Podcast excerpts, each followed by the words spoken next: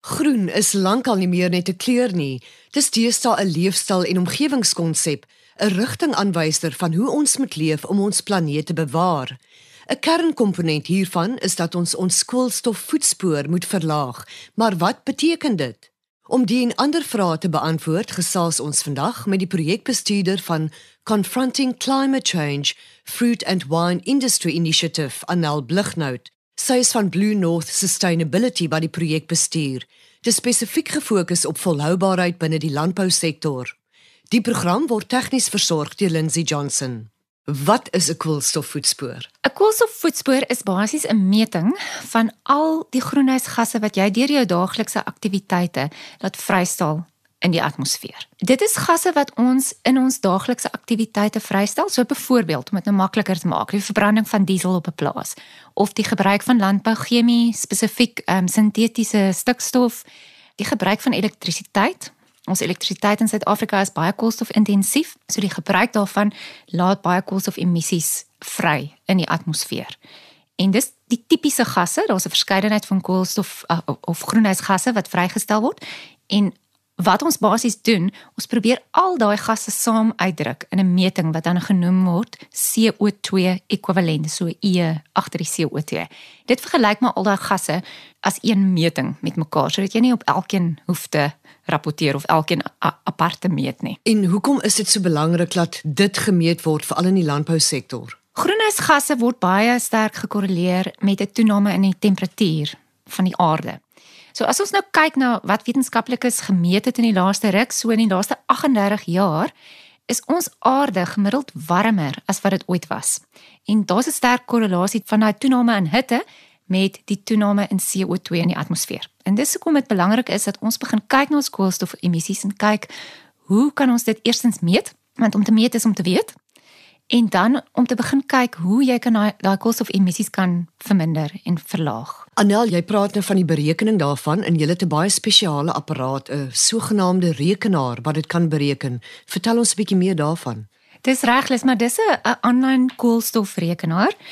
Dit was in die begin ontwerp deur die vrugte en wynindustrie wat besluit het dit is nodig omdat hulle baie vrugte en wyn uitvoer na ander lande soos byvoorbeeld Europa dat hulle moet begin kyk na wat is hulle koolstofemissies in die uitvoer van hierdie ehm um, vrugte en wyn en dan ook 'n manier te kry om dit te begin aanspreek. So het hulle bymekaar gekom en besluit was om hierdie koolstofvoetspoor rekenaar dan te ontwikkel en dit gratis ehm um, beskikbaar te stel aan produsente. Wie is nou die hulle? waarvan jy praat. Die vrugte en wynindustrie liggame is dan nou wat ons noem SATI, hulle verteenwoordig die tafeldrywe CGA is die sitrusorganisasie en dan Hotgray hulle verteenwoordig die kern en steenvrugte en WineTech wat die vir die wyndrywe verteenwoordig. So is almal industrieorganisasies, hulle befonds die projek en dan is ons ook baie bevoordeel om 50% van ons befondsing ehm um, tans te kry van die Wes-Kaapse Departement van Landbou. Anal en hoekom word die rekenaar spesifiek net vir die vrugte en wynbedryf gebruik? Spesifiek daardie bedrywe want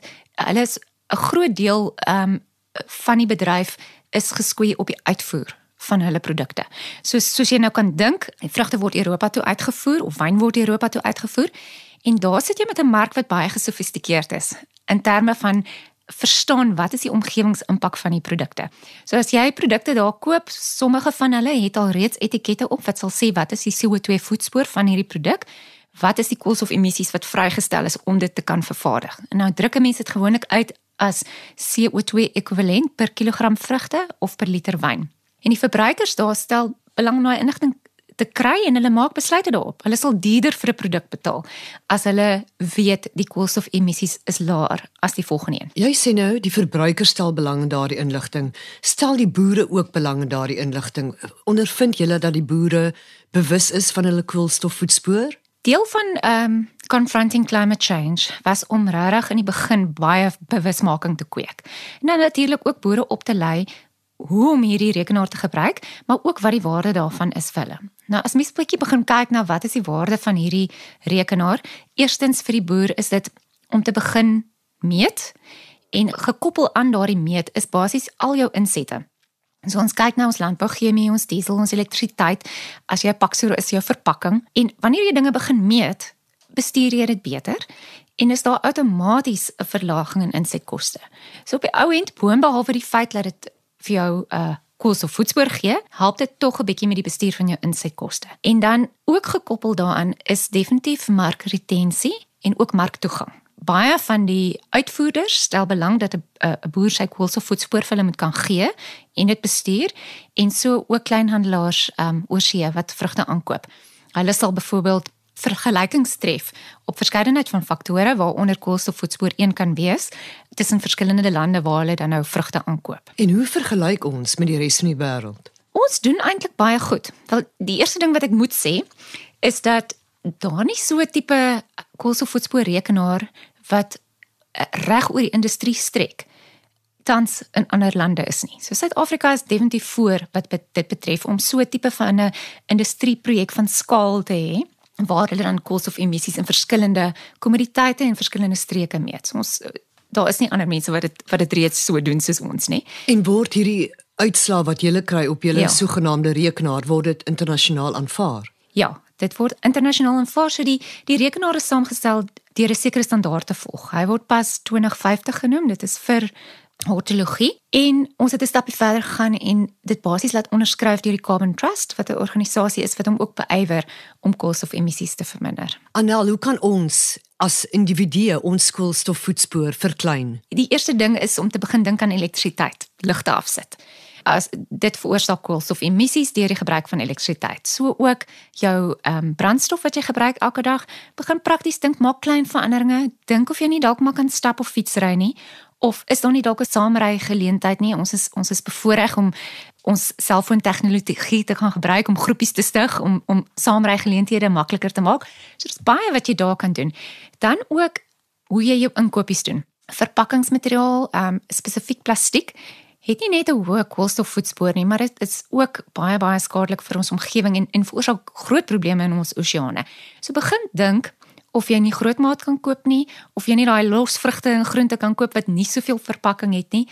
Net 'n bietjie anders begin dink oor wat jy doen daagliks. En dan natuurlik ook dink hoe jy nie kan vermors nie. Daai kos wat ons so maklik weggooi wat nie geëet is nie. Dit alles het 'n koolstofvoetspoor gehad om dit te vervaardig en op jou tafel te laat kom. So begin dink hoe jy anders te werk kan gaan. Dink jy soos tyd verloop en met klimaatsverandering gaan ons as individue verplig word om ons koolstofvoetspoortjie te bereken? Ek dink miskien nie so erg as individue nie, maar wel um, industrie en dis al reeds aan die in die, in die gebeur verskeidenheid van industrie. So die manier wat jy wat daar druk geplaas word op industrie om dit te bereken is eerstens die koolstofbelasting wat ons verwag binnekort in werking gaan tree. So daar gaan jy definitief om jou koolstofemissies te kan verklaar, gaan jy dit moet meet. Dan is daar ook 'n klimaatsveranderingswet wat om die draai is. Dis nog net 'n konsepwet, maar dit gaan ook kom en dit gaan dis alles goed wat druk plaas op mense om te begin kyk na hulle koolstofemissies. Die ander ding wat meer die individu sal raak is indien daar koolstofbelasting toegepas gaan word, dan mag daar dalk sekere prysaanpassings wees. So ons gaan moet begin fyner werk met wat ons gebruik elke dag. So dis alles goed wat saamspeel om wel jou te laat begin dink oor koolstofemissies. En dan laastens ook is al groot dryf internasionaal dat koolstofemissies een van die aspekte is wat groot maatskappye in hulle jaarlikse verslae moet um, verslag doen oor. Wie kan mense kontak om meer inligting te kry? Hulle kan gaan ons webwerf. Dit is www climatefruitandwine.co.za. Dis 'n lang ene. www.climatefruitandwine.co.za of hulle kan my kontak. Uh, my e-posadres is anel@bluenorth.co.za. Ons het vandag by Anel gehoor hoekom dit so belangrik is om bewus te wees van ons koolstofvoetspoor. Dis nie die landbousektor en ander groot bedrywe wat hierdie spoor so klein as moontlik moet hou nie. Elkeen van ons moet ons deel doen en dit kan eenvoudige leefstyl aanpassings wees soos byvoorbeeld deur ons motors minder te gebruik. Soos Desmond Tutu ter geleentheid gesê het, doen jou deeltjie waar jy ook al is. Dis al daardie deeltjies wat saamgevoeg word wat van die wêreld 'n beter plek maak. Die program word ondersteun deur die Wes-Kaapse Departement van Landbou. Ons groet tot volgende week. Onthou die aarde is kosbaar. Kom ons bewaar dit.